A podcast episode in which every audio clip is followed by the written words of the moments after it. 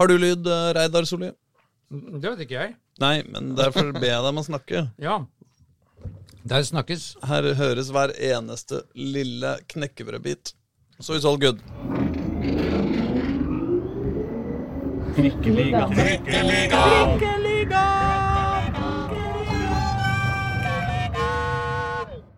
Mine damer og herrer og andre, velkommen til Trikkeligaen sesong 4, episode 31. Vi er Dagsavisens fremragende podkast om Oslo-fotball! Fremadstormende! Og vi er jo tilbake fra ferie. Vi er fire folk i studio.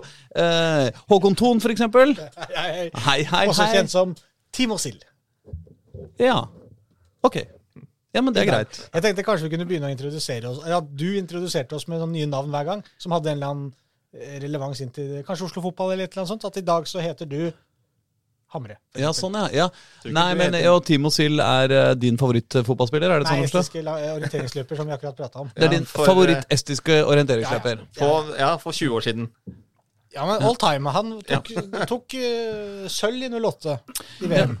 Nei, men da favoritt er da, skal vi si det, Nei. Tillits Nei. sokk. Å, ja. Sokk er min, eh, min mann. hvis jeg skulle introdusere folk, så ville jeg også eh, måte. introdusere uh, Trikkeligaens egen Nadia Comaneci, uh, Pål Karstensen!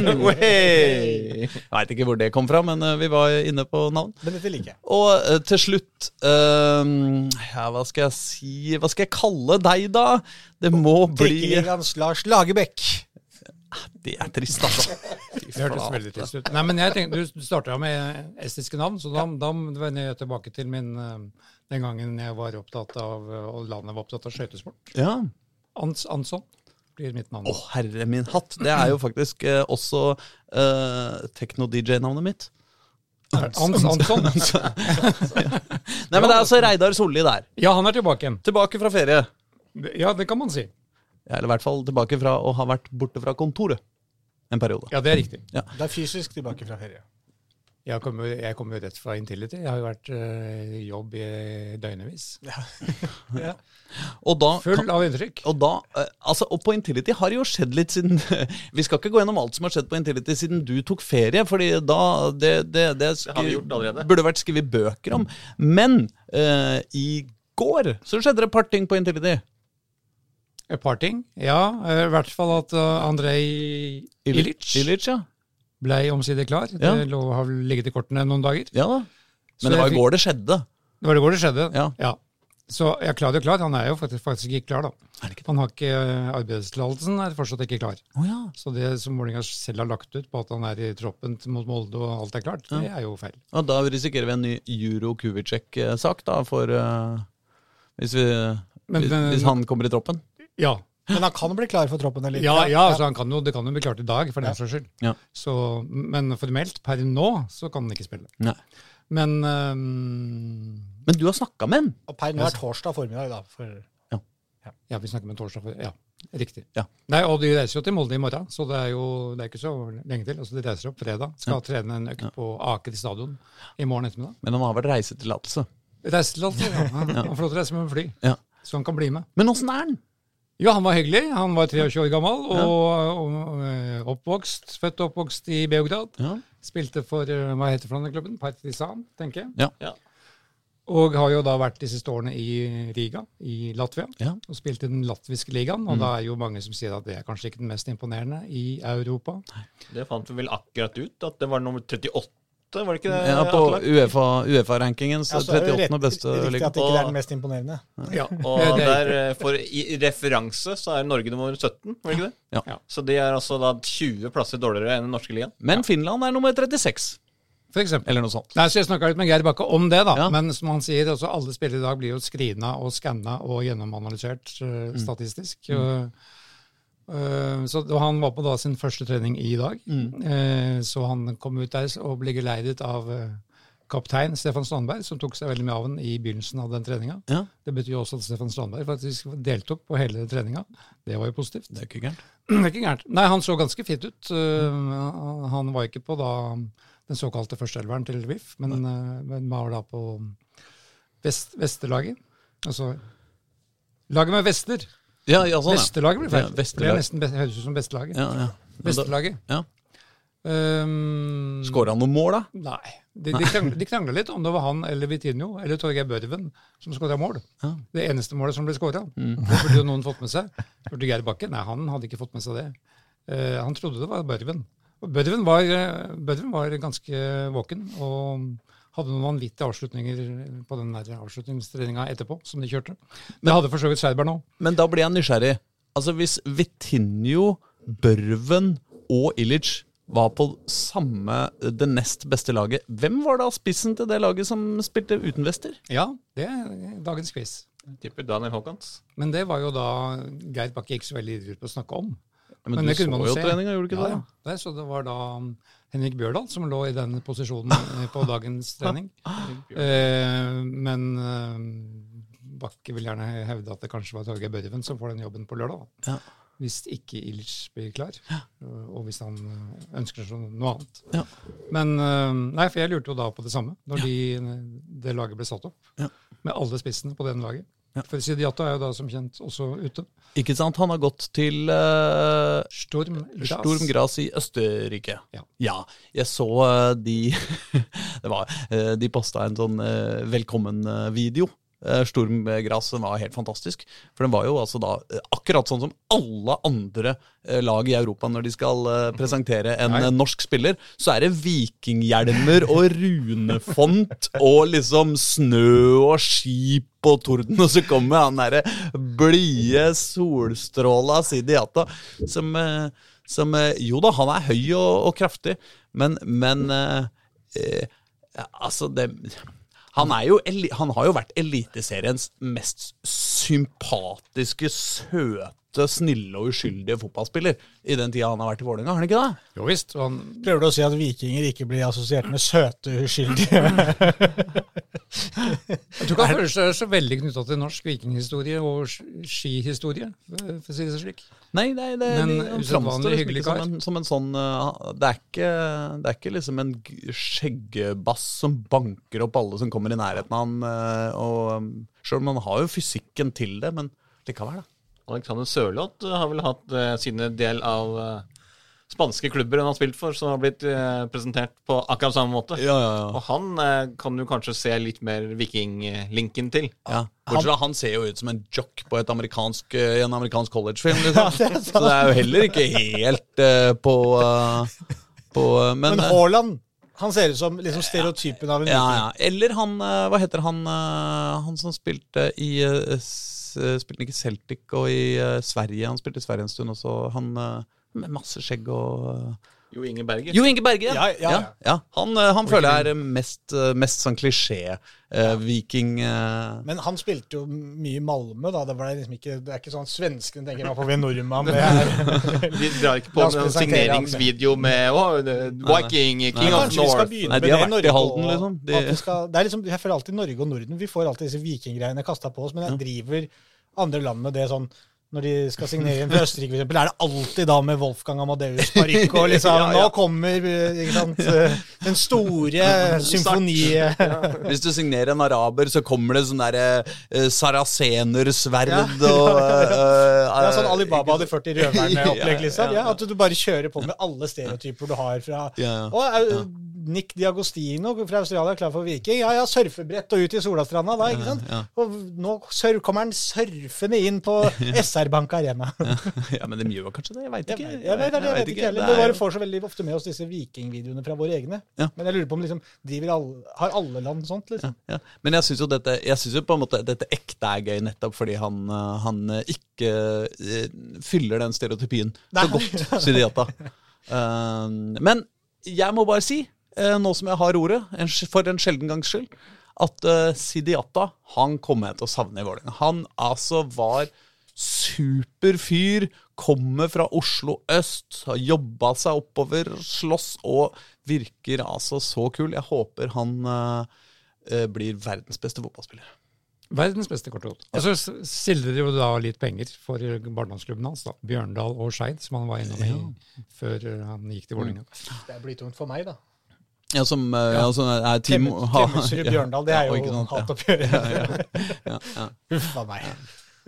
Ja. Ja. Nei, nei så, men, men det kan jo være situasjonen som vi nevnte, at uh, det er faktisk ingen spisser på søndag. Nei, lørdag. Nei, lørdag, ja. Lørdag. Mot Molde på Aker stadion. Ja. Men, uh, Men altså, det nei, er de jo ikke noe problem, den kampen. Uansett, Vålerenga skal jo klare den med Ja. Ja, ja det kan jo ikke bli noe Spiss er bare den spilleren som spiller på toppen, det. Ja. Så de har jo en spiss. Nei, men det det er er jo uh, Det er jo Det er mange som kan uh, Som kan uh, fylle den uh, Fylle den posisjonen. Vi får se. Så det, Det kan bli noen kontringer det blir snakk om. Er det, er det Vi har jo Jakob i... Dikko Eng også. i- ikke sant? Bak den. Vi har Dikko. Eller hva slags profil er det på? Han han spilte i- også på det samme laget. Han er en sånn kraftig, litt sånn uh, boks... Hva, hva, hva er det kalles i det moderne, Target- moderne fotballspråk? Target-spiss. Target? Nei, tar, det, er, det er gammeldags. Target Er det en litt sånn ja, si. Boksspiller, er det det som heter? Ja, ja opps, sånn uh, Ja. Han er, han er stor og sterk.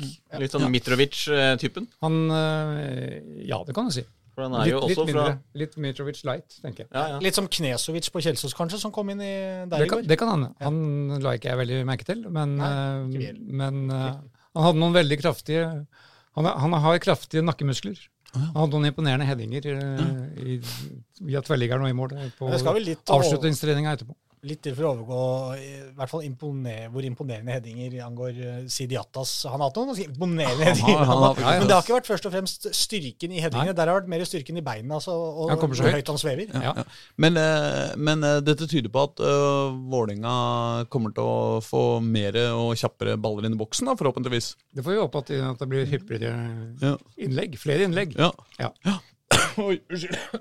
Nå har jo Nå har jo på en måte i dag Vålinga heller for en gangs skyld eh, Eller denne sesongen, da, for første gang på veldig veldig lenge, ikke hatt driblevinger.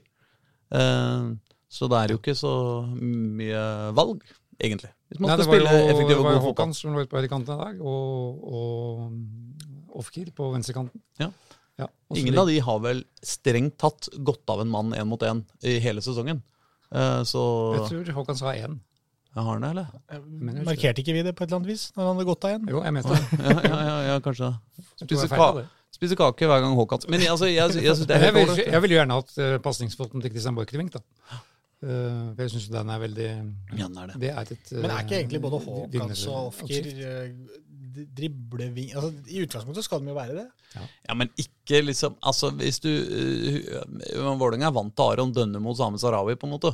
Ja da. Og de er jo uh, Altså, de, de er jo i sitt ess når jo litt i Sandefjord, men jeg liksom husker i fjor. ja, Men han er jo først og fremst uh, kraft og fart og, og, og sånn, er det ikke det? Gode løp og Off-gear. Ja, Ja. Stillheten. Spør meg, da. Nei, men jeg, uh, det er litt driblefant, er ikke det jeg ville kalt den Nei, han er ikke det. altså. I hvert fall ikke opp imot de vi har hatt uh, i det siste. Der har det jo vært sånn stoppe, drible fram og tilbake i 30 sekunder uh, før ballen går videre. Eh, mens både Ofker og Haakons jo, eh, har jo eh, større tempo i retning eh, I eh, lengderetning. Ja. Um, men Men sammen, det. ja, Er det da noe sjans på lørdag? Eller er det bare å drite i og grue seg og eh, sove lenge og håpe at eh, lørdagen går over? Du kan, du kan sove lenge, for det begynner ikke før klokka seks. Den, Ja, men- den matchen. Jeg mener ekstra, eller sove over hele lørdagen. Oh, ja, nei, nei det, det må du ikke gjøre. Nei, alle kan slå Molde. Uh, Gjorde ikke Vålerenga det sist? Det var der oppe. Uh, Jo, og da, men da var det vel til gjengjeld fryktelig mange år siden de hadde gjort det Ja, det- før det igjen, tror jeg. Men, Men, Klaksvik slår jo Molde, men ikke i Molde. ja, ja, det er et poeng, det. De spilte øh, onsdag. Men det er jo Ut fra de siste kampene og det, de viste mot Haugesund, så er det jo ikke noe ja, jeg, jeg skjønner jo at de måtte ha en spiss. Det, jeg, jeg skjønner ikke helt hvordan de skal slå Molde. Det må jeg innrømme. Jeg kan skjønne at de kan rane til seg et poeng. Ja. Men da må dette, hovedutfordringen nå, slik jeg ser det, er jo at de får orden på dette forsvaret. De slipper inn for mye mål. Det er Ja, de er hovedproblemet. De, eh, de gjør dessverre det. Det var jo en uh, utrolig trist kamp egentlig mot uh, Haugesund, nettopp uh, pga. den enkelt Altså den fæle, fæle situasjonen hvor uh, Vålerengas eh, 17 år gamle supertalent midtstopper Hammer Kjeldsen får uh, huemist. går uh, framover med ballen, møter to Haugesund-spillere og bestemmer seg for å tråkke på ballen, snu seg rundt og legge seg ned, gi fra seg ballen. Og så ble det mål defensivt, og det, eller motsatt i, i feil, feil, feil vei. Det er jo jeg, er så, jeg ble så lei meg av det.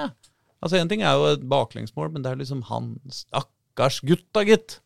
Det er ansvarlig? altså. Altså, det var jo det som var Det var det som var Det var- problemet i den kampen. Altså, Ja. det var jo Du begynte jo ikke å spille fotball før det var 75 minutter. Nei. Altså, det var ikke før de, etter de utligna uh, der, at de begynte å spille fotball. Det var, det var vel som noen, ja kanskje du som skrev det, at de starta like passivt som tilskuerne. For det var Ja, ja, protest det var det ja, ja, VAR Absolutt. De, de første, første 15 minuttene der, før Vålerenga-supporterne begynte å synge, så var det jo helt og fullstendig krise. Vålerenga hadde jo Ja. knapt ballen. Uh, så så uh, altså, det, den, den uh, taktikken der, den eh, fra, fra Vålerenga-supporterne, den, den, den er vond. Men eh, jeg syns det er strengt å si 75 minutter, da. Så jeg syns jo at eh, kampen var eh, det, det, Altså, den, den det, det, Jeg, jeg syns det var perioder. Men det er perioder da, med god Ja. fotball. Ja. Uh, men jeg syns det virker som, for meg, om Vålerenga har blitt flinkere til å gå for gjennombruddspasningene, og flinkere til å gå for liksom eh, for, eh, for den, siste, den siste ballen, da, enten det er i bakrommet eller om det er eh, rett i boks eller hva det er, syns jeg, de, er, synes jeg de, de oftere kommer, eh, kommer til at de faktisk prøver den. Det som var rart mot Haugesund, var jo også Eller rart. Det som var altså synd mot Haugesund, var jo at eh, nysignering Elias Hagen uh, blei jo fullstendig havna i uh, skyggen uh, Hvorfor, av hvorfor skjedde det? Altså, jeg lurer egentlig på om Haugesund eh, var litt opptatt av det. Og, og blokkere han. Uh, sørge for at han uh, fikk lite ball. Han hadde lite ball. Ofte så spilte midtforsvaret til Vålerenga forbi forbi Elias Hagen og rett til med Petter Strand, som, som jo på en måte i prinsippet var, var ved siden av Elias, men i praksis ofte var ganske mye høyere i banen. Da. Eh, Um, Det er jo klart, altså det er mye vanskeligere for Elias Hagen defensivt på midtbane å styre kampen når motstanderlaget ligger dypt på sin egen banehalvdel. Da er det jo liksom ikke så mye rom for å dirigere eller slå baller gjennom eh, ledd, sånn som han eh, kunne gjøre mot Strømsgodset borte. Strømsgodset borte eh, Altså Strømsgodset er jo et lag som angriper Vålerenga. Altså de spiller fotball. Mens Haugesund eh, kom jo hit, og etter de tok ledelsen, så var de jo opptatt av, veldig opptatt av å forsvare seg. Og det gjorde jo også at Elias Hagen fikk eh, mye mindre rom. Ja. Og det igjen gjør jo at han altså ikke fikk eh, Altså han gjorde jo ingenting i nesten hele, hele kampen. Nå skal det jo sies at Vålerenga de siste sesongene jo stort sett har møtt lag som har lagt seg veldig lavt. Eh, så det så hvis det er eh, hvis, det, hvis, det, hvis det er en situasjon hvor Elias Hagen ikke virker så bra i, så har vi et problem. Ja, men, det var, men vi snakka vel om dette i forrige episode òg. At eh, Elias Hagen var god, men hva skjer hvis motstanderen bare stopper han, da? Da er Vålerenga litt tilbake der det var. Og så snakka vi om at vi, ja, det er klart, da må man jo sette av noen til å gjøre den jobben. Da bør det jo åpne seg noen muligheter andre steder osv. Men det er jo på en måte en oppgave for motstanderlagene å prøve å forhindre det som skjedde mot Godset. Mm. Så blir det Vålerengas oppgave da, å, å finne måter å frigjøre Elias Hagen i de rommene han vil ha, og ikke minst få medspillere til å bevege seg i forhold til eh, han, sånn at han kan slå disse pasningene. Så fikk vi jo til gjengjeld den gigantiske pasningsfoten til eh, unge Risnes. Eh, som jo eh, det ble mål. Det blir nemlig alltid mål når, eh, når Petter Strand får eh, en sjanse på eh, hel volley eh, fra hjørnet av femmeteren. Eh, da blir det alltid mål. Med mindre det er offside. Uh, ja, ja. Jeg føler Kanskje. han har, skåra ikke han et eh, mål som ble annullert for offside. Ikke nå. Nei, nei. Det var nei, Siri i ja. ja, det er mulig, det. Men- Men, han hadde jo den bra, altså, han skårte Ja. jo brasse, en fantastisk brasse fra nøyaktig samme sted. eh, bare for noen få kamper siden. Ja. eh, som, han, eh, som han gjorde her. Altså en kjempefin uh, pasning fra Magnus Rysnes. Og så- Ja, det var kanskje det. Ja, det var det. Sandefjord. Og så hel volley opp i korthjørnet. Åh, var deilig, altså. Men, eh, men det blei bare 1-1, og det betyr at Vålerenga fortsatt har eh, veldig langt opp til Det er vel fire poeng, da. Opp til, eh, opp til uh, trygg grunn. Det, det er ikke så deilig, ass. Nei. Er det ikke det? Er det ikke fire poeng? Eller det er, det er litt sånn forskjellige antall spilte kamper nedi der og sånn. Ja, Så- det er lenge igjen av, eh, av sesongen. Så det er ikke Nei, for Det det er er, Molde, det er Molde nå, og så er det vel Odd hjemme. Nei, altså, det, det er det som Det er jo det stigende inntrykket man får. Ja, hvem i all verden skal de slå? Når de ikke slår Haugesund Har vi heller. Ålesund hjemme Ikke slå Haugesund hjemme. straks òg, har de ikke det? Ja, Ålesund Det, er jo, at det blir jo Ålesund og Stabæk, da. Ja. Siden Stabæk eh, er vel kanskje det laget eh, som er nesten like dårlig som, eh, som Boringa, Altså som heller aldri vinner. Ja. Så Ja, da, Det kan jo hende det holder å vinne de kampene med tanke på å, å overleve, da. Det, Ja, da har man jo prisgitt litt hva de andre gjør òg, da. Så det, Sannsynligvis gjør det det. Ja. At, at, jeg, jeg, tror heller, jeg, jeg tror ikke at Vålerenga rykker ned. Nei. Men uh, det er jo ett poeng opp til Stabæk på kvalik og to poeng opp til Sandefjord Ja. på trygg grunn. Ja. Ja. Så det er liksom ikke Selv om det er eh, hauger og lass opp til HamKam, som de aldri tar igjen, selvfølgelig. Så er det uh, Så har de jo da én hengekamp uh, sammenligna med HamKam, da. Sånn at hvis Vålerenga vinner den hengekampen, så er det bare, Fortsatt bak HamKam. så er det bare ett poeng opp til HamKam. uh, som vi jo selvfølgelig, eh, som den Oslo Fotball-podkasten vi er, håper at skal rykke ned. Men det er jo litt sånn, hvis du hadde tenkt på det før sesongen, og at du sier liksom ja ja, hvis vi vinner den utsatte kampen, så har vi bare ett poeng bak HamKam. Wey! Det er utrolig deprimerende å se de andre kampene i Eliteserien og så håpe at topplaga vinner. Ja. Det er, det er sånn åh, Heia Bodø og Glimt, liksom. Åh, det er ganske begripelig at dette er tema hos oss i august 2023. Ja. Ja. Men det er det. Det er det. Men, men det er jo sånn øh, Jeg husker ikke om det var her vi snakka om det, eller hvor det var. Ja, men når man, hvis man ligger i bunnen av tabellen Mm. altså Hvis man ligger på toppen av tabellen, så er liksom tabellen ofte ikke så øh, Det er ikke så mye å hente ut av å se på den. Men hvis man ligger langt nede som Vålerenga, så liksom, ja, en seier her og en seier der, så er vi jo plutselig Jøssen, Jøss, øh, så fint det ser ut da. og det er, fordi det er jo veldig sjelden mange poeng opp. Men det er jo også fordi laga tar veldig lite poeng. da, Så det er liksom fire poeng Nei, hva var det, to poeng og hva du sa for noe nå? Det er ett poeng opp til Stabæk, to poeng opp til Sandefjord og fire poeng til HamKam. Ja, ikke sant? Det høres jo ut som null og niks, egentlig. Som det kan man vel klare på et par helger, liksom. Så er man jo forbi HamKam. Men, øh, men det er jo sånn det er å være i bånn der. da, At øh, kamper er ikke, tilsvarer noen- ikke poeng. Kan jeg få noen fantastiske kamper i november, da? Ja. Altså kvalik til Eliteserien mellom uh, Vålerenga og Koffa. Kvalik til Obos-ligaen.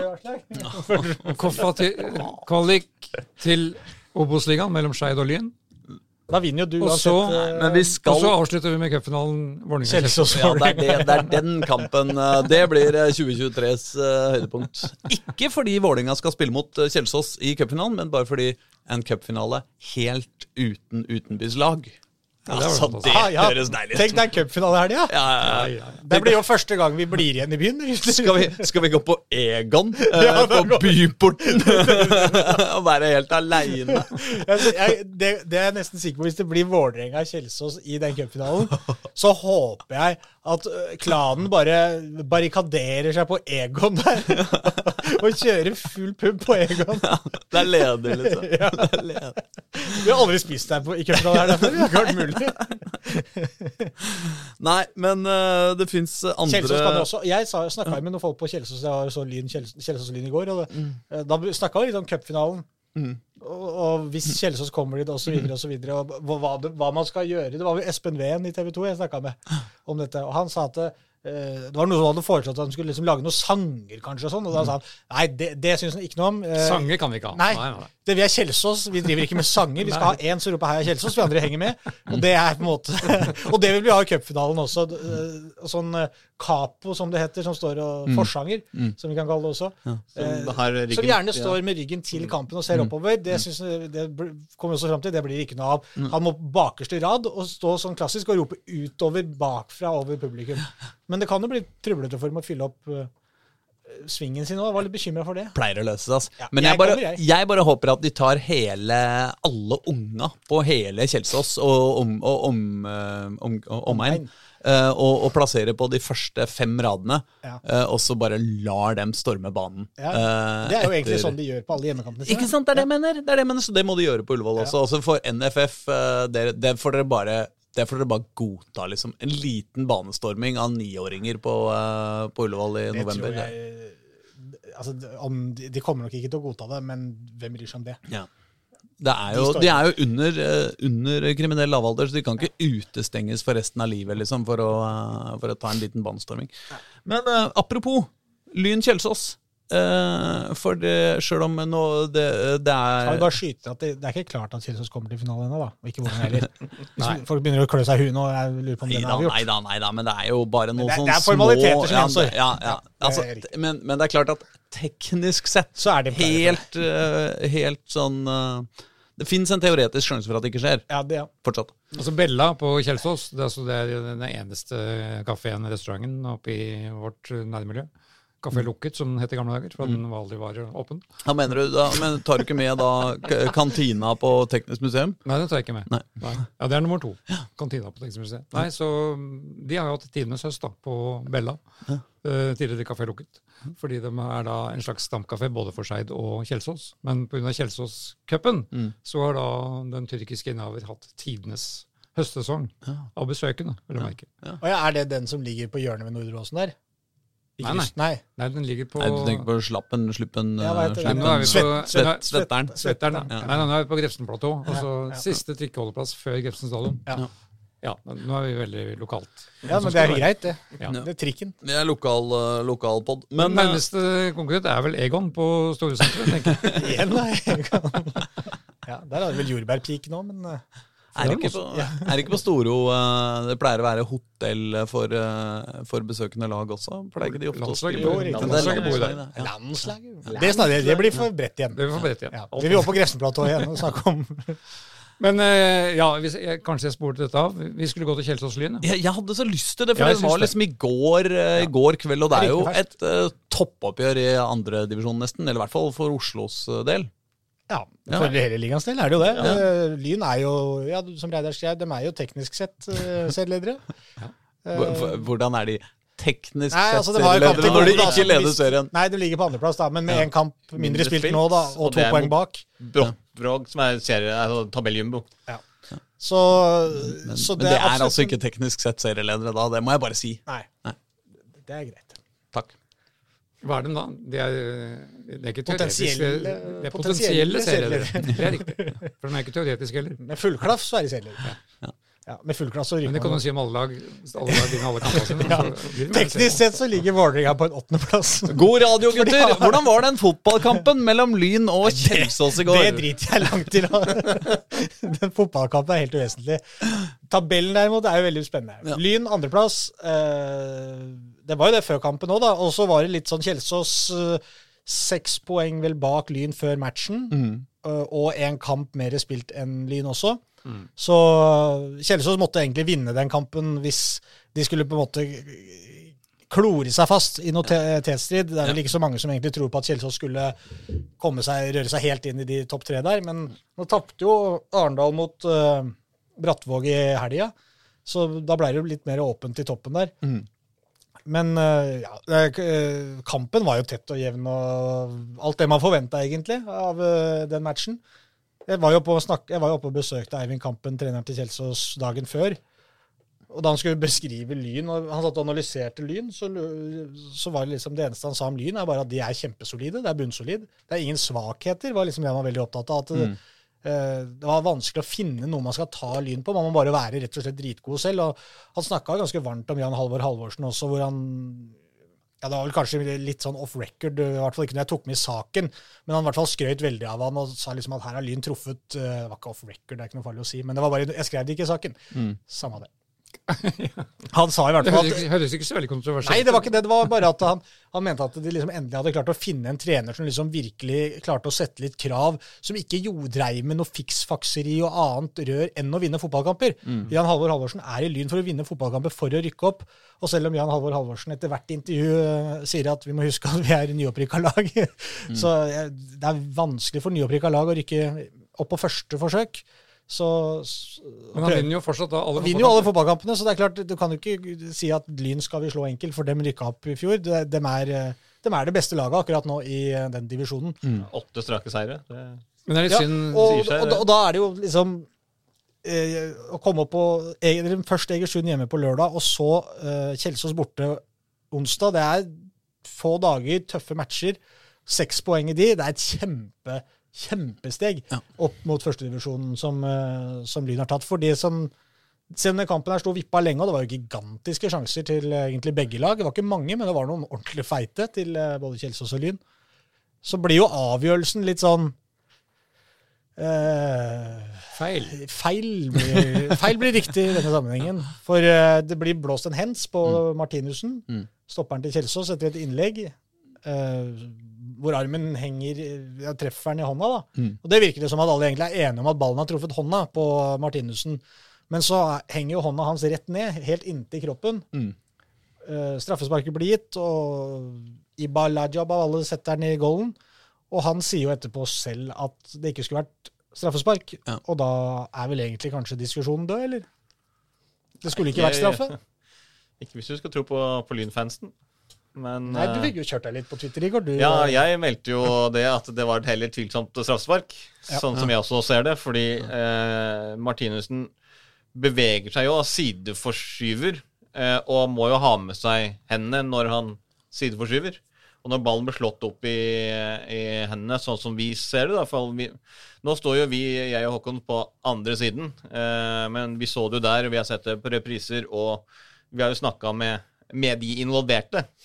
Eh, så altså basert på det er jo derfor vi også har eh, at det er, litt sånn, det er et litt billig straffespark ut fra de bildene du ser. Mm.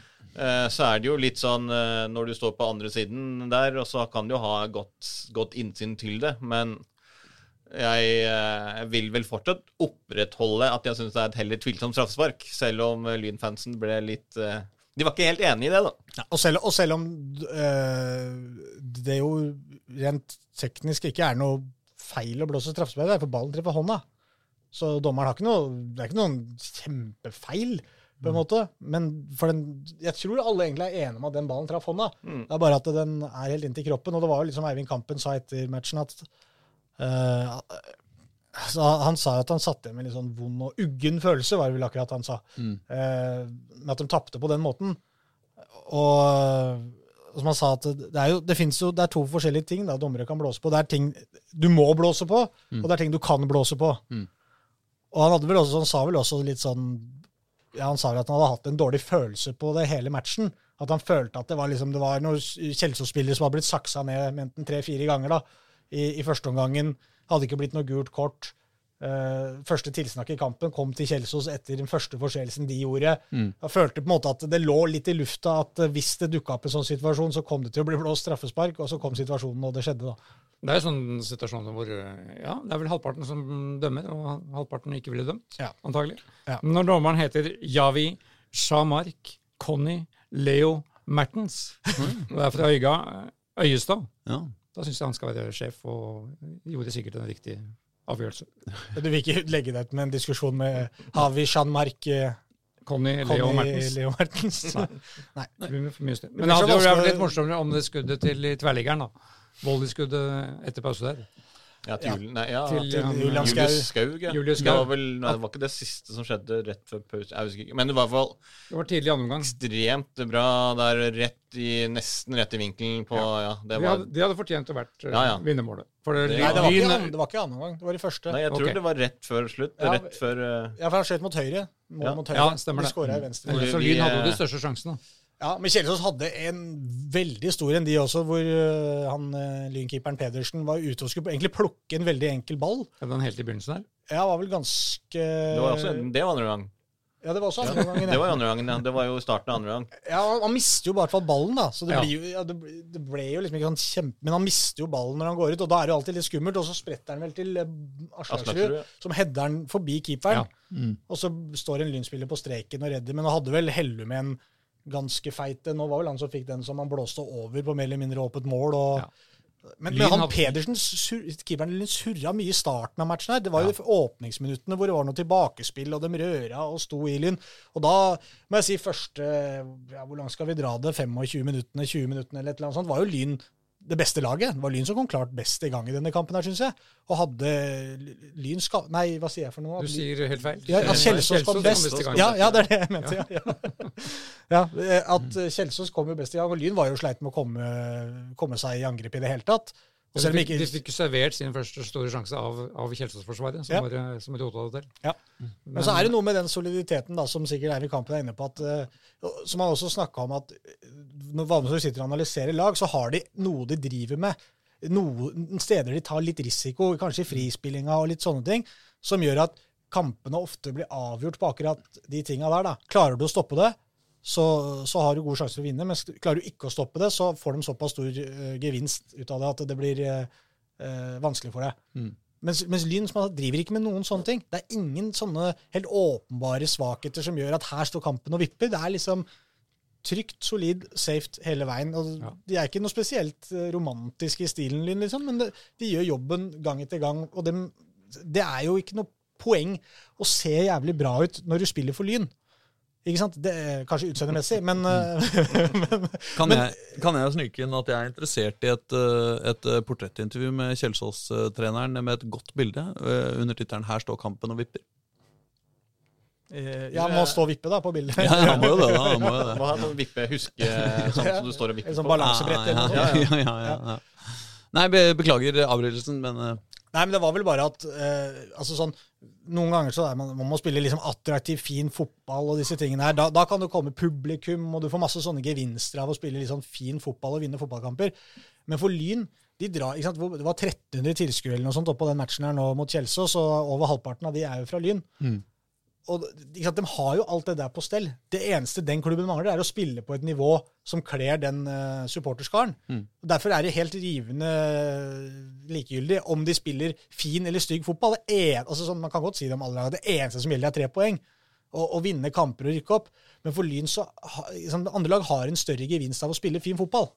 Fordi at det genererer flere folk som kommer på kamper og disse tingene her. Mm. Men er det én ting som genererer flere folk på kamp enn å spille fint, er å vinne, da. Vinne alle fotballkamper. Det er en veldig god, Men god har, effekt. har Lyn-fansen eh, tilgitt Ibba? Ja, Ja. det virka sånn, i hvert fall. de har det, øh, ja, Det altså, de Vi var jo litt spent da han kom på. Det var Ja. jo kvarter før slutt, så, og Ibba sto klar, og vi sto jo på sida der hvor han uh, skulle entre Mm. banen. Og Da var vi litt nysgjerrige på hvordan blir dette tatt imot. Og Først så var det høflig applaus da byttet ble gjort. Mm. Men da var jeg litt sånn Ja, de klapper vel kanskje for han som gikk av. Det er ikke sikkert de har fått med seg hvem som går på ennå. For det var liksom det var ikke noe særlig reaksjon i den eller andre veien. Og da spikeren leste opp byttet, så var det vel heller ikke noe, egentlig noen reaksjoner.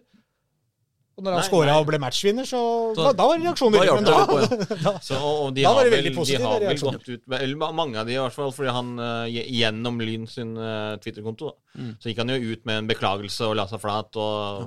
Forklarte Jeg vet sin ikke, Har vi fortalt denne historien egentlig? Nei, det, jeg har ikke helt nesten skjønt alt som har skjedd her engang sjøl, men øh, Nei, det var noe på eh, en eller annen Vålinga sosiale medier-konto, Ja, hvor de hadde et eller annet sånn Vålinga samfunn-aktig, sånn der delte ut noe greier til noen, eller et eller annet sånt, og så var Ibba med, og så kom det tydelig fram i den posten at Ibba hadde et stort hjerte for Vålinga, og at han var Vålerenga-gutt og var glad i Vålinga.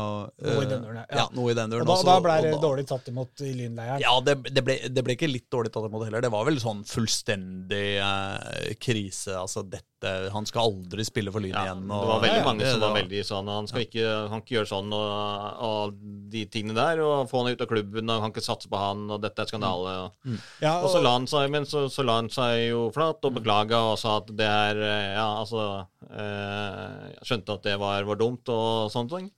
Og så tror jeg liksom mange av de eh, har godtatt den, eh, den unnskyldningen. Og la oss gå videre, liksom.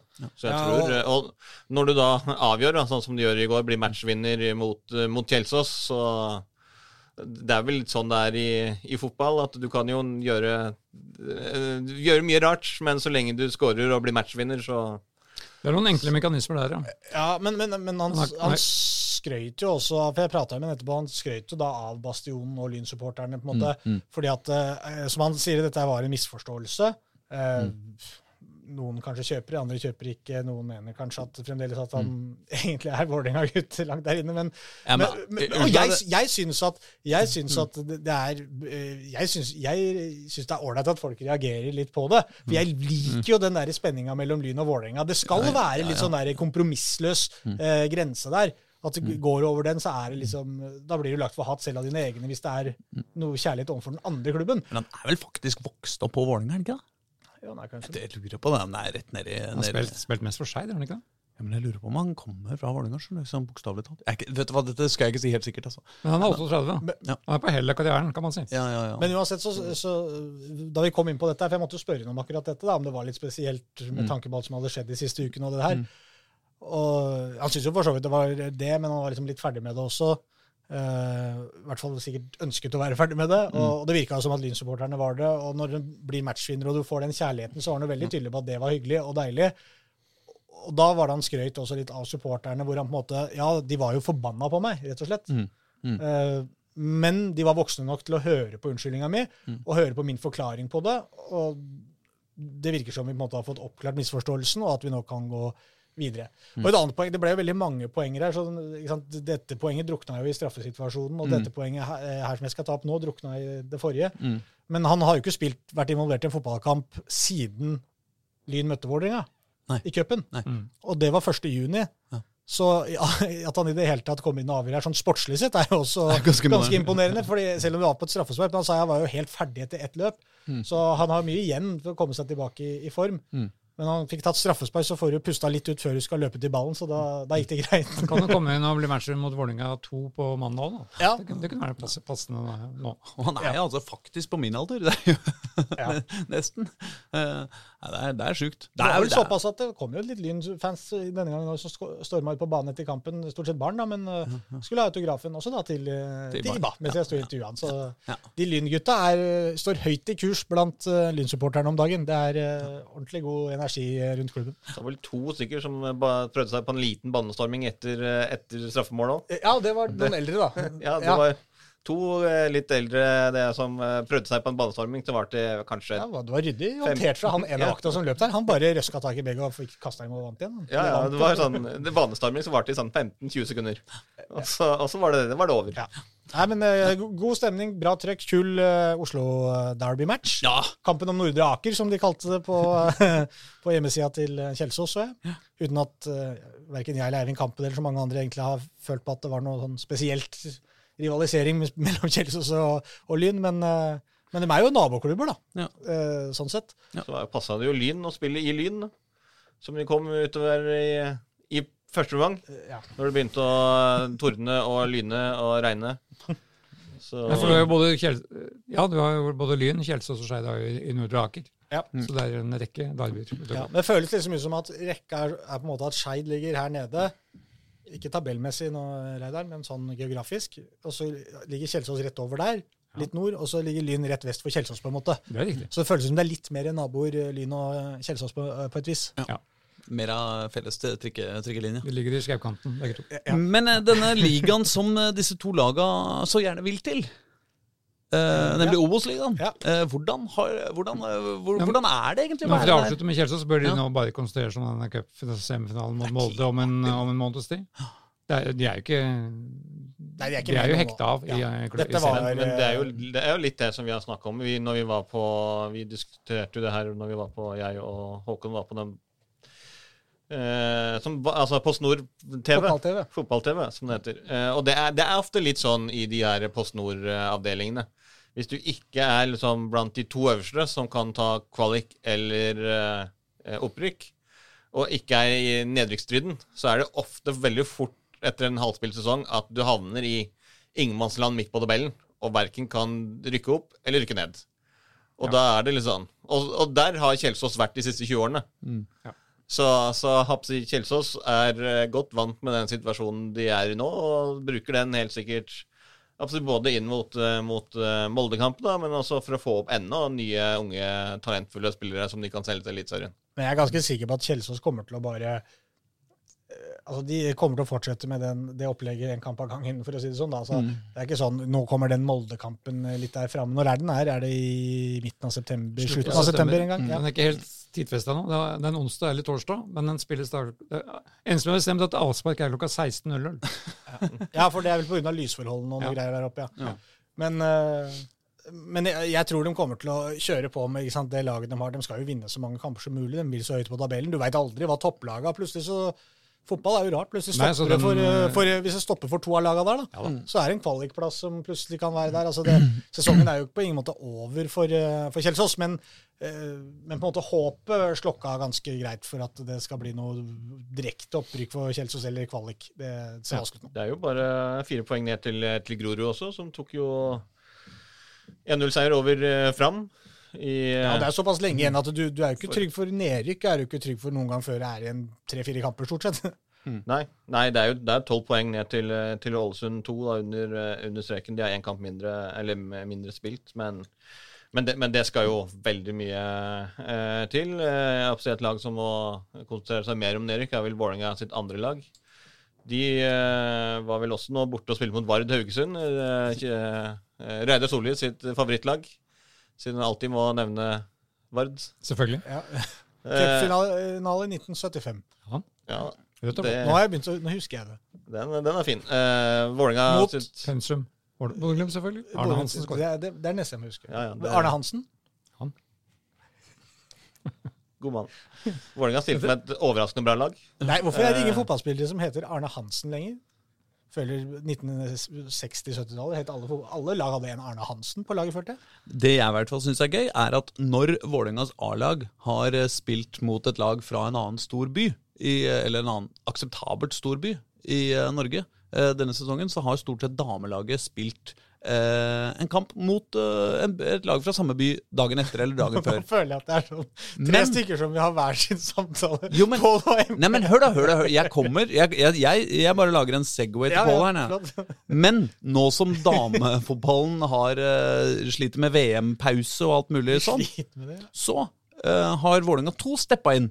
Og at når Vålerenga A-laget har spilt Ja. mot Haugesund, så Ja, Og siden da damelaget ikke kan eh, steppe inn og spille mot uh, hva nå heter Og Karmøy eh, Avaldsnes. Avaldsnes, ikke sant? så tar Vålerenga 2 isteden og spiller mot Vard Haugesund. Ryddig. Og det er ryddig. Var ikke det, var ikke det en fin overgang til Jo. deg, Pål? Veldig bra, hvis leseren nå husker at vi er der. Men Vålerenga stilte jo med et veldig sterkt rekruttlag, for en gangs skyld. Oh, ja. Spilte et borte. Det, det var jo, ble jo første, årets første borteseier. De hadde jo alle, altså tapt alle på rad, hadde vel 2-29 i målforskjell før den bortekampen her. Eh, De spilte jo da med Magnus Schweng i mål, de spilte med Kreuzrigler, spilte med Aron Kiel Olsen, Christian Borchgrevink og eh, Max Bjurstrøm i bakre rekker, som jo er langt bedre enn de 15-16-åringene som har spilt der tidligere. Eh, Omar Bulli spilte, ble skada igjen. Nei. Eh, Skikkelig, eller? Nei, det- så ut som det var hamstring eh, Altså, det, det, den har slitt med, da, eh, egentlig. Han var ikke på dagens trening, da.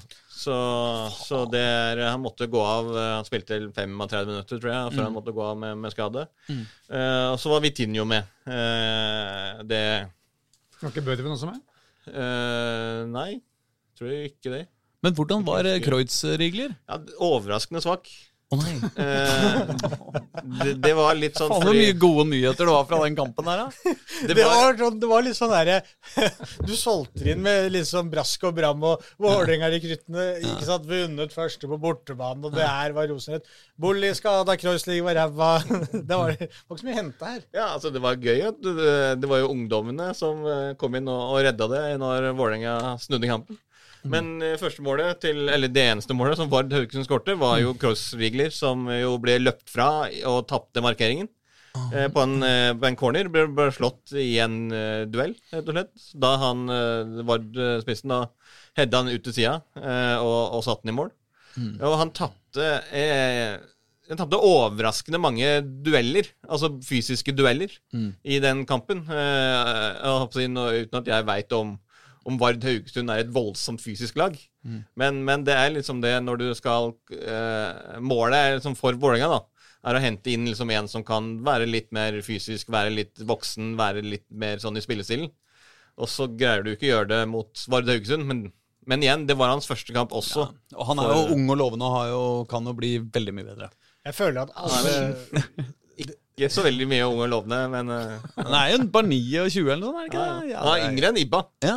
Ti år, vel. Yngre enn Ibba, så han er god. Mye igjen. jeg jeg, Jeg føler at alltid lag som og Det tror jeg har hengt med meg fra jeg var en liten gutt. At uh, alle lag som ikke er fra Oslo, er store, sterke og robuste. Og så om Vard Haugesund er det eller ikke, garantert at de er store, sterke, gode på dødballer og alt dette Er her. Det var jo alltid sånn når man spilte sånn i den liksom, interne Oslo-serien, seriespillet, da man var liksom liten. Det- Da var det jo Møtte du samme type lag som deg selv. De var like høye som deg, de var like store, de snakka likt som deg. Det var mm. greit, liksom.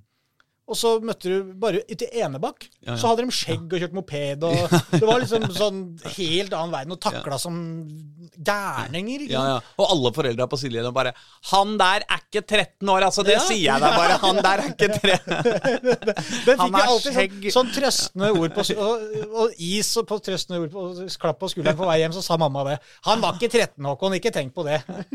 Åh, prøve Livet som Oslo-fotballspiller. Ja, Som skal være litt seriøs igjen på den siden her. Det er av- seriøst. av bordet. De er, eh, alle utafor Oslo er sånn, uh, Pål. Men skulle jeg møte Rena i, i Norway Cup, hadde vært livredd. Ja, ja, det- kommer det skjønner jeg kommer det elleve bønder, tenker jeg, og, som, og never som er like store som brystkassa mi. ikke sant? Ja, ja, Og, uh, Det skjønner jeg jo at det er veldig, veldig farlig for uh, folk fra Rena. De sier 'det du kan gjøre med fotball, kan jeg gjøre med en høyball'.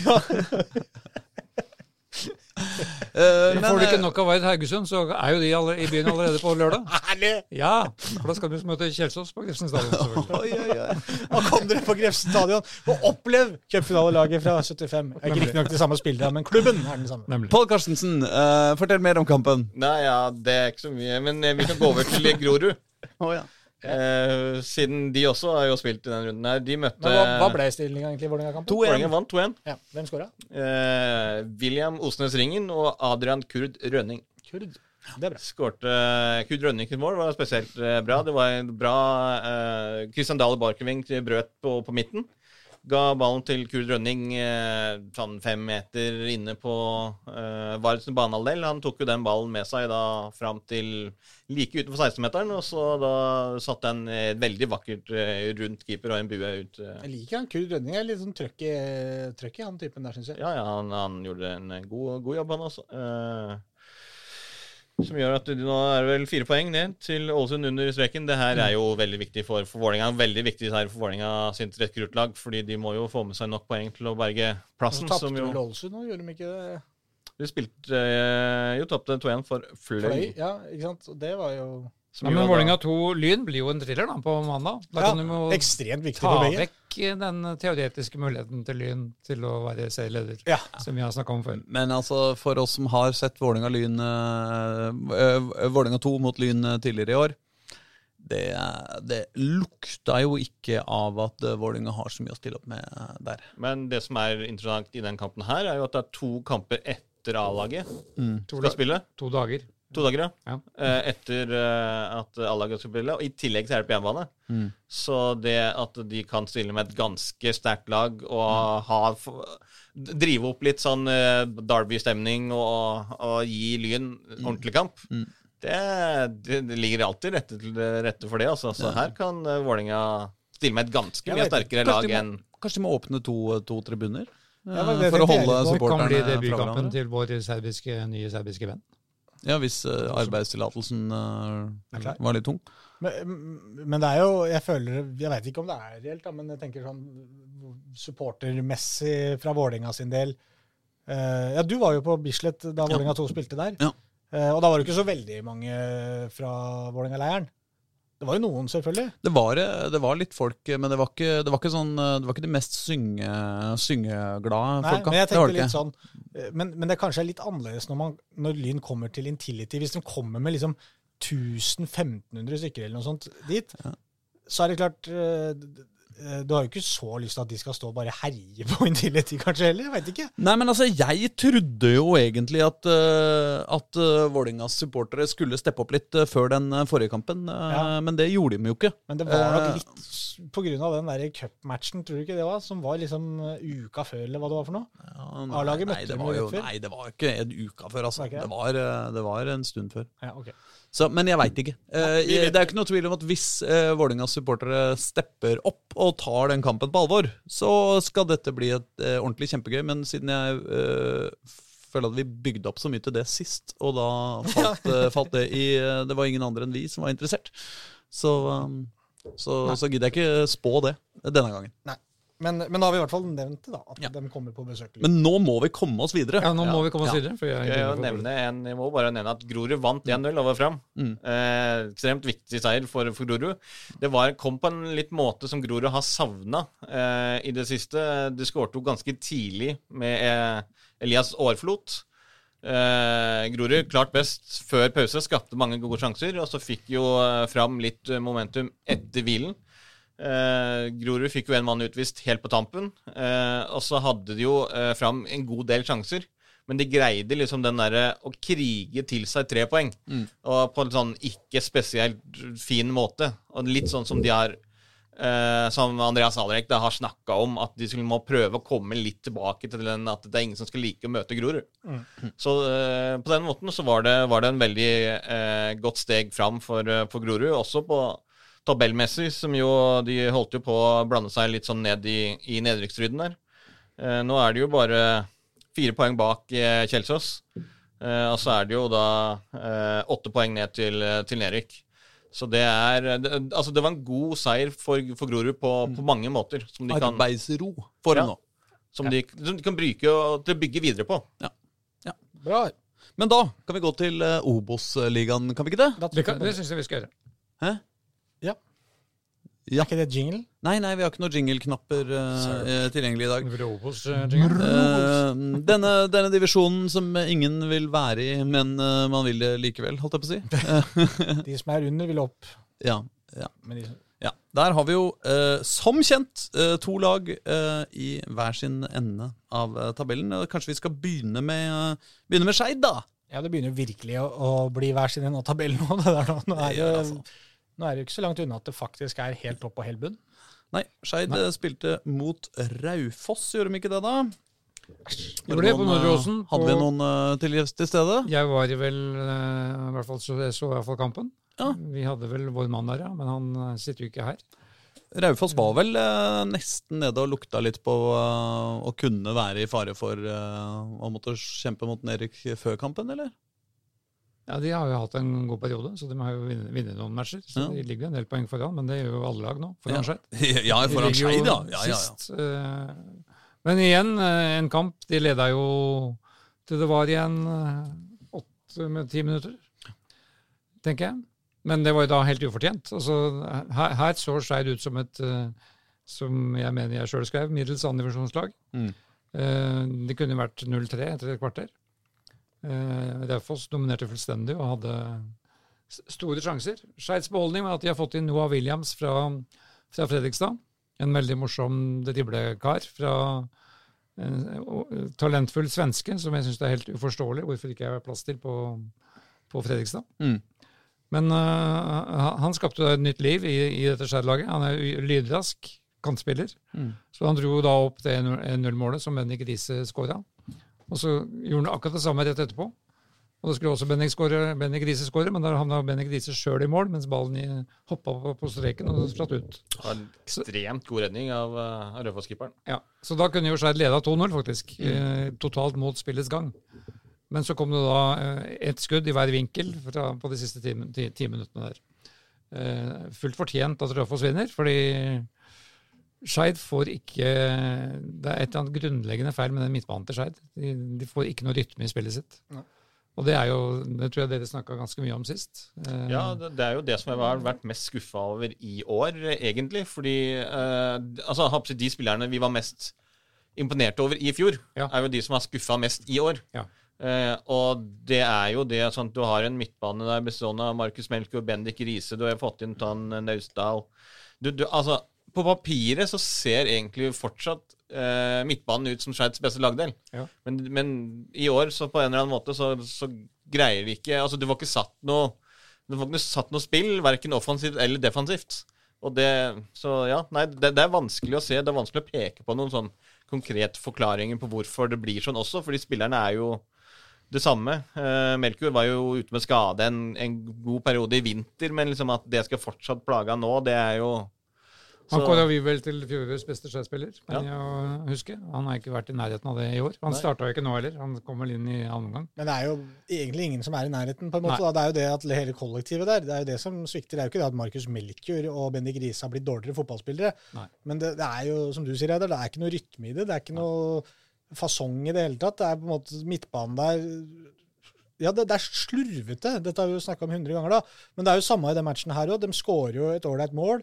Når de kommer inn på siste tredjedelen her, så er de skumle, men de er der så sjeldent. Mm. Det er jo liksom gjengangeren. Og så det er klart, Den kampen her, som du sier, selv om det er fortjent at Raufoss vinner, så er det jo vanvittig surt måten det kommer på, liksom med to sånne langskudd som du føler at du ikke du har liksom så ty Du må jo stå der som Gard Holme og tenke ja, det hadde vel vært morsomt om vi urettferdig stjal med oss tre poeng.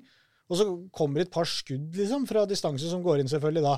Når, de, når, de, når de klarer å unngå å gi bort disse måla som de har holdt på med så mye, da. Men det var vel det du nevnte Det er jo da du tenker Det er typisk. Det er jo bare vi som slipper inn sånn. Ja, ja, men det var vel det dere snakka om litt sist gang. Altså det, det er alle- de, de vinner ingen av disse kampene Nei.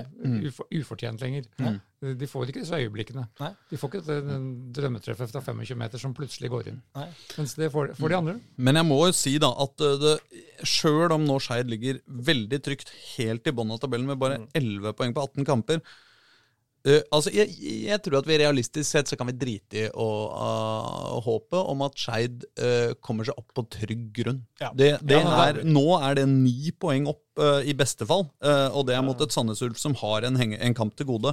Sånn at det betyr at i praksis er det fort ti poeng opp uh, med, med, med bare tolv kamper igjen å spille. Og Problemet er vel at men- Åsane litt, har vel sett litt bedre ut den siste tida, de òg, så Ja, det har noe uavgjorter, i hvert fall. Ja, men altså, det men, men altså, det er bare tre poeng opp til Åsane. Så de, Åsane, Hødd og Skeid, de skal jo kjempe om uh, kvalikplassen. Ja, og det- er fortsatt, helga det er er fortsatt det jo- on. er det jo Skeid borte mot Hødd. Ja.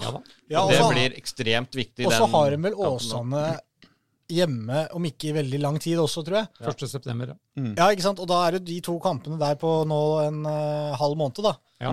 Men det er som du sier, det er, det er de tre lagene i en liten liga. Mm. Det handler om å vinne den serien, som består av tre lag. Og, og premien er muligheten til kanskje å beholde plassen. Ja. Ja, Ja, men, Kanskje det er- spille mot Egersund, da. I, ja. eller kanskje Lyn. eller Lyn. Nei, nei, men det er det det handler om. Men bare for å fullføre denne matchen på lørdag. Noah Williams er nevnt. Han, blir en forsterkning. Og så var det et hyggelig comeback av keeperen Lars Martin Kvarikvold, som nå sto fra start.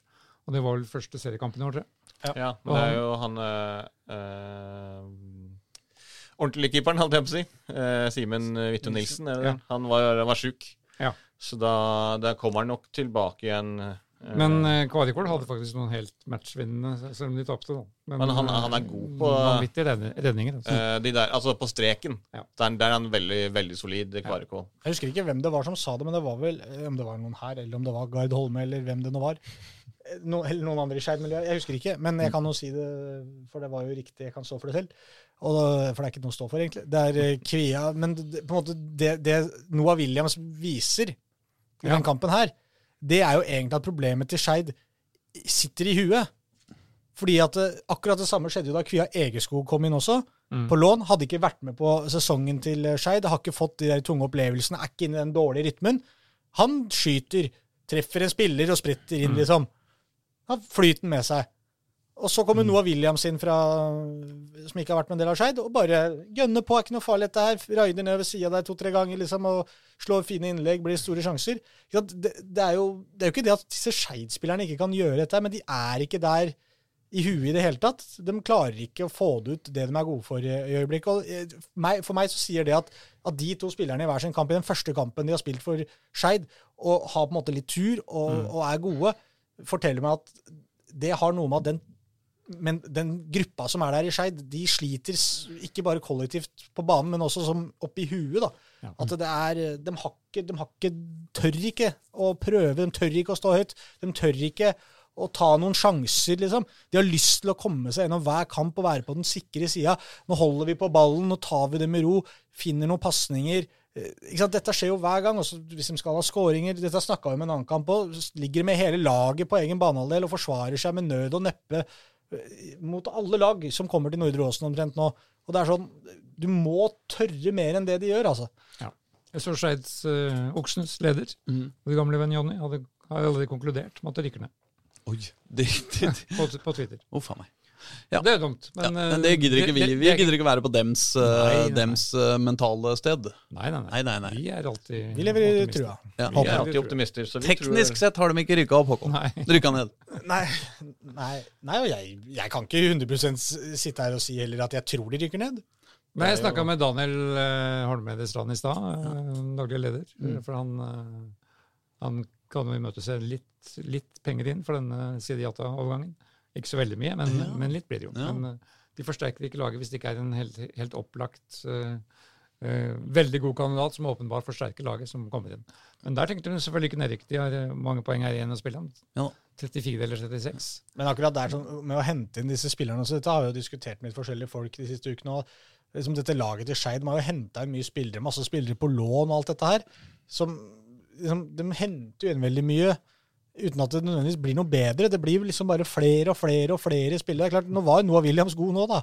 Og, og sånn, De treffer jo innimellom òg, men det er liksom de sier jo hele tiden at vi må hente noen som skal rett inn på laget og forsterke. og dette, Men stort sett så er det jo liksom Ja, altså, Ja, Det kvitta seg med litt, da. Erik Nordengen er det jo, Ja. har mye sendt til eh, Fram. Er det vel han har gått til? Henrik Hagen var Henrik Hagen, i, i går, så jeg Ja.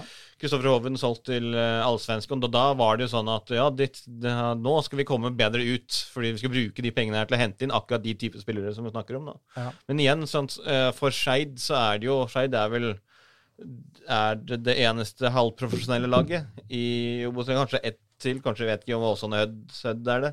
Men sånn, de, de drives jo på en litt annen måte, og budsjett, lønnsbudsjettet liksom, og fasiliteter og, og de type tingene der, da, det er vanskelig for de å gå ut og hente spillere. altså Sånn som de, altså han øh, Syver Aas, for eksempel, som de har henta inn på lån fra Odd. Sånn, så han har jo akkurat spilt U19-mesterskapet for Norge. Sånn, de kunne ikke fått kjøpt han hvis de skulle kjøpe han fra Odd. liksom, så eneste måten de har for å hente inn en sånn type spiller, er jo på lån. Men så er det liksom da, hvis du skal hente inn for mange spillere på lån, så blir det jo ikke noe klubbutvikling over tid, for de blir bare eh, komme inn der og, og slukke branner på, på høsten og berge plassen, og så starter vi på nytt neste år med liksom det samme, og så er det krise på høsten, og så må vi hente inn nye spillere. Ja, så du kan si sånn, Akkurat der Skeid er nå, så er det jo greit nok eh, at du må prøve hva du kan for å beholde plassen. Men hvis de klarer å holde den plassen, så tror jeg de må liksom kikke litt på den spillerstallen sin, trimme den litt, eh, spisse den litt, rett og slett. For den er veldig sånn derre ja, bustete i alle retninger. Veldig, en svær manke, ikke sant? Du må trimme den litt. Den er. Hødd-Skeid lørdag klokka tre. Ja, det blir, det blir det blir eh, Ja. en viktig kamp, må det vel være lov å si. Da drar vi til Over Ulsteinvik. til, over til Koffa. Over til Koffa. Lykkeligere omstendigheter, eh, holdt jeg på å si. Altså, Koffa skulle også spille en veldig veldig avgjørende kamp. Nå har det vært mye, skal være mye og kommer til å være mye. Veldig avgjørende kamper fra, framover. Og der eh, spilte altså Koffa mot var vel Fredrikstad. Ja, de var kanskje eh, serieledere. De var serieleder for Aspark, ja. Ja, og, Men det er de ikke nå lenger. Nei. Fordi der tok Koffa jaggu og feide dem av banen med 2-1. ja. Vi snakker om Fredrikstad, som var motstander. Absolutt. Ja. Eh, glemte jeg å nevne det. Nei, jeg tror du sa det. Eller Jeg hørte ikke, jeg. Nei, det er samme det. Samme det. Nå er det nevnt.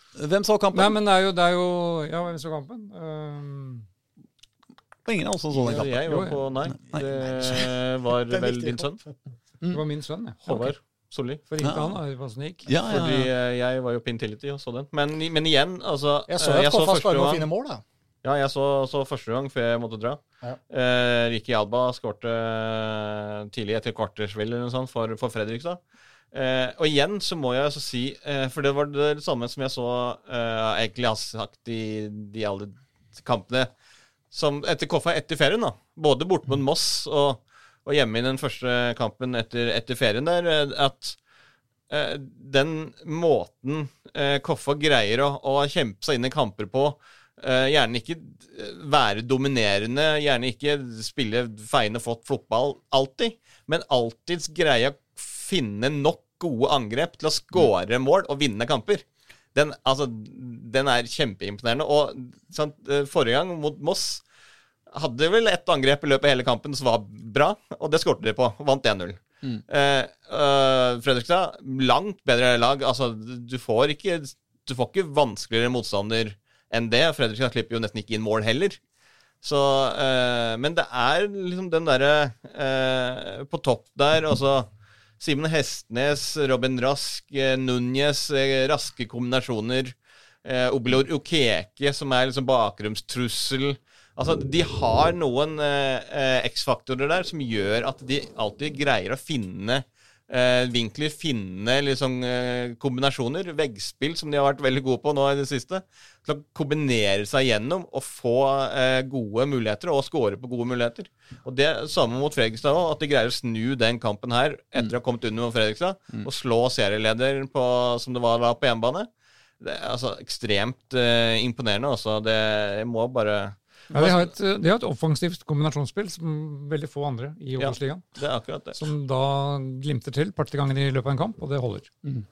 Så, Det er nei, veldig imponerende. altså. veldig imponerende av det de har holdt på med der. Og det er liksom De første sju kampene så vant han jo ikke eh, Johannes Mosgaard. Og siden det så har han jo ikke tapt en kamp. Det er jo nesten sånn at de har eh, nå Altså, de er jo klart best formlaget i Obos-ligaen. Eh, og det jeg håper å si Viking har vel åtte eller ni strake i, i Eliteserien. eh, og Lyn har vel åtte strake. Koffa har vel vunnet ni av de siste ti, eller noe sånt. Eh, Ja. Så eh, det, altså, nei. Det er bare å ta av seg hatten for det de har gjort, og den, den snuoperasjonen de har fått til med dag etter den starten de hadde. Ja, ja. Det er, det er kjempeimponerende, altså. Og nå tredjeplass. Tre poeng fra seriegull i Obos-ligaen. Eller ikke seriegull, men serieledelse i, eh, i Obos-ligaen. Ja, det er ett poeng fra direkte opprykk, er det ikke det? Jo, jo, jo. Ja. Ett poeng fra direkte De har Kongsvinger da Nå er vel Kongsvinger serieleder. Det er de. De har dem da på Hjemslund om et par uker. ikke sant? De skal ha Ranheim først nå, borte på lørdag. Den er litt sånn småvrien. Ja, så er det Hødd hjemme. Den er jo Ja, viktig også for Skeid. Da kan, Ja. da kan de jo få litt hjelp, kanskje. Skeid Ja, av etter K5. at eh, Koffa tapte vel mot uh, en av de uh, nedrykksrivalene til, til Skeid også, gjorde de ikke det? Jo, de tapte mot Nei, det gjorde de ikke. Unnskyld. Ingenting. Det var det de ikke gjorde. De tapte for Kjelsås i cupen. Ja. De vant over Åsane. Så, så de har vært en god hjelper for eh, Skeid, og de må, vi må satse på at de fortsetter å være det. Så her blir det jo spennende å se da, om de greier det som, eh, som Jørgen Isnes sitt kofferlag eh, jo ikke greide i de siste par-tre årene. At de, de var jo også alltid gode Hadde altså gode perioder. Eh, det var jo det I fjor så fikk du vel både årets, nei, månedens manager og månedens unge spiller og månedens spiller i, etter en fantastisk god august. Og så ble det litt dårligere i september og greide ikke liksom helt å holde det ut.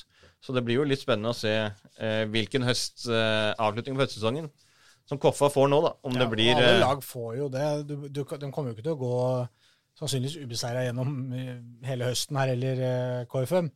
Men, Nei, nei, nei, eh, men- men, men de- men, og det, det er det som er litt trygt med KFM, det snakka vi om sist, og den mentaliteten i den gruppa der som har bygd seg opp over mange år, at hvis de går på et tap mot Ranheim nå, da, så, så er sjansen stor for at, Kjelsen, nei, at KFM slår tilbake og vinner eh, fire av de neste fem igjen, ikke sant? og en uavgjort eller et eller annet sånt. Og det, de har det i seg at de tror veldig på det de holder på med der oppe. Så ja, det, det ser bra eh, Det ser jævlig spennende ut. Vi tror også på dem, på Ja, det de driver med der oppe. Vi, Ja, Det er bare at kampen er, den er tøff der oppe, men den seieren mot Fredrikstad nå, det er jo derfor den er så vanvittig stor. Mm. Eh, at de tar den, for da, da er det liksom helt, helt åpent der nå. Ja, og nå har de på en måte lagd en eh, liten luke. Ja. Egentlig de tre du, hvis, du, hvis vi sier det er tre, tre lag som slåss om eh, om, den, om de to nedrykksplassene i bånn, holdt jeg på å si, så er, det, så er det tre lag nå som ser ut til å slåss om de to direkte opprykksplassene. og Det er Kongsvinger, Fredrikstad og Koffa. Og det hadde vi ikke trodd for fire måneder siden. Nei, ikke i starten. Når de, Nei, da hadde vi vel- Eller i vinter, vel- for den saks skyld. Ja, nei, Da hadde vi vel verken trodd at Koffa skulle være der de var, eller at Skeid heller skulle være så fortapt i bånn. Unntatt meg, da, som selvfølgelig, som tippa Koffa langt over Skeid på tabellen. I vårt interne veddemål. Ja, Du tippa i hvert fall at de havna over Skeid. Ja, ja, det Langt over var ikke noe veddemål om. Er det nå noe mer vi skal gjennom, eller har vi rett og slett fullført Oslo-fotballen for denne uka og kan glede oss til neste? Alltid mye mer vi kan snakke om, men eh, det er vel ikke sånn at du har mye tid til det. Tre og fjerde- tre divisjon tar vi neste gang, tror jeg. Men, Ja, jeg kan jo bare melde at fjerdedivisjon er i gang, og det er veldig hyggelig. Ja. Og våre, eh, våre gamle venner Hemming er blitt serieleder igjen. så Ja, vi skal Henrik bli- eh, Lene Olsen eh, meldte overgang fra Lyn til Heming. Skårte to mål i sin debut da Heming slo Kjelsås-rekruttene. Der også Nikola Knesevic skårte mål i sin debut. Og eh, Simen eh, Stamsø Møller gjorde comeback for Kjelsås. Oi! Ja.